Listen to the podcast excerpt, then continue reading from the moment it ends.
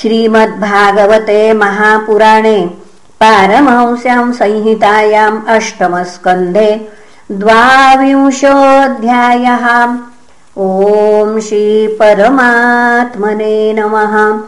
श्रीशुक उवाच। एवं विप्रकृतो राजन् बलिर्भगवतासुरः भिद्यमानोऽप्यभिन्नात्मा प्रत्याहाविक्लवं वचः। बलिरुवाच यदुत्तमश्लोकभवान् ममेरितं वचो व्यलीकं सुरवर्यमन्यते।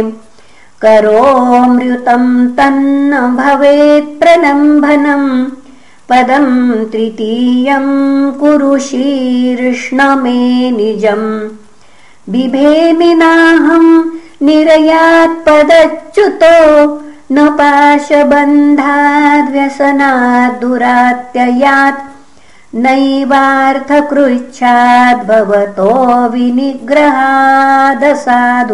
वादात् भृशमुद्विजे यथा पुंसां श्लाघ्यतमं मन्ये दण्डमर्हत्तमार्पितम्। यं न माता पिता भ्राता सुहृदश्चादिशन्तिः। त्वं नूनमसूर पुनः त्वं नूनमसुराणां नः पारोक्ष परमो गुरुः। यो नोनेकमदान्धानाम् विभ्रंशं चक्षुरादिशत् यस्मिन् वैरानुबन्धेन रूढेन विबुधेतराः। बहवो लेभिरे सिद्धिं यामुहैकान्तयोगिनः। तेनाहं निगृहीतोऽस्मि भवता भूरि कर्मणा बद्धश्च वारुणैः पाशैर्नातिव्रीडेन च व्यथे। पितामहो मे भवदीयसम्मतः प्रह्लाद आविष्कृतसाधुवादः भवद्विपक्षेण विचित्रवैशसम् सम्प्रापितस्त्वत्परमस्वपित्रा किमात्मज्ञानेन जहाति योऽन्ततः किङ्रित्थहारैः स्वजनाख्यदस्युभिः किञ्जायया संसृतिहेतुभूतया मर्तस्य गेहैः किमिहायुषो व्ययः इत्थं सनिक्षि पुनः इत्थन् स निश्चित्य पितामहो महानगादबोधो भवतः पादपद्मम् ध्रुवं प्रपेद्येह्यकुतो भयं जनाद भीतस्वपक्षक्षपणस्य सत्तमः। अथाहमप्यात्मरि पोस्तवान्तिकम् पुनः अथाहमप्यात्मरिपोस्तवान्तिकम् दैवेन नीतः प्रसभं त्यज त्यजितः पुनः दैवेन नीतः प्रसभं त्यजत् दैवेन नीतः प्रसभं त्यजितः श्रीः पुनः दैवेन नीतः प्रसभम् त्याजितश्रीः इदं कृतान्तान्तिकवर्ति जीवितं यया ध्रुवं स्तब्धमतिर्न बुध्यते श्रीशुक उवाच तस्येथं भाषमाणस्य प्रह्लादो भगवत्प्रियः। आजगामकुरुश्रेष्ठो राकापतिरिवोत्थितः तमिन्द्रसेन स्वपितामहं श्रिया। विराजमानं नलिनायते क्षणम् प्रांशुं पिशङ्गाम्बरमञ्जनत्विषम् प्रलम्बबाहुं सुभगं समैक्षत्। तस्मै बलिर्वारुणपाशयन्त्रितः समर्हणम् नोपजहारपूर्ववत् न नाम मूर्ध्नाश्रु विलोललोचनः सव्रीडनीचीन मुखो बभूवः स तत्र हासीनमुदीक्ष सत्पतिम् सुनन्दनन्दद्यनुगैरुपासितम्। उपेत्य भूमौ शिरसा महामना न नाम मूर्ध्ना पुलकाश्रुविक्लवहाम् प्रह्लाद उवाच त्वयैव दत्तम् पदमैन्द्रमूर्जितम् रतम् तदेवाद्य तथैव शोभनम् मन्ये महानस्य कृतो ह्यनुग्रहो। विभ्रंशितो यत् श्रिय आत्ममोहनात् यया हि विद्वानपि मुह्यते यतस्तत्। को विचष्टे गतिमात्मनो यथा।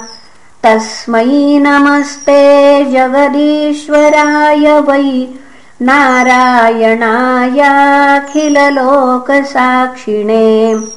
श्रीशुक उवाच तस्यानुशृण्वतो राजन् प्रह्लादस्य कृताञ्जलेः हिरण्यगर्भो भगवानुवाच मधुसूदनम्।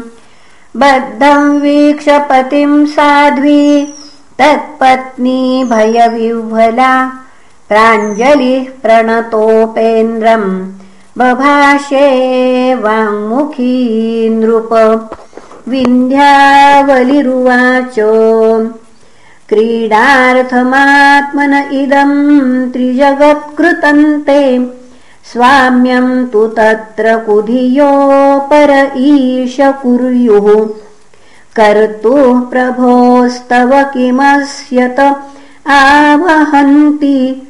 त्यक्तर्ह्यस्त्ववद वरोऽपि तव कर्तृवादाः ब्रह्मोवाच। भूतभावनभूतेश देवदेव जगन्मय। मुञ्चैनम् हृतसर्वस्वम् नायमर्हति निग्रहम्। कृत्वा तेनेन दत्ता। भूर्लोकाः कर्मार्जिताश्च ये। निवेदितम् च सर्वस्व मात्मा विक्लवयाधिया यत्पादयोरषठधीसलिलम् प्रदाय दुर्वाङ्कुरैरपि विधाय सतीं सपर्याम् अप्युत्तमा गतिमसौ भजते त्रिलोकीम्। दाश्वानविक्लवमनाः कथमार्तिमृच्छेत श्रीभगवानुवाच।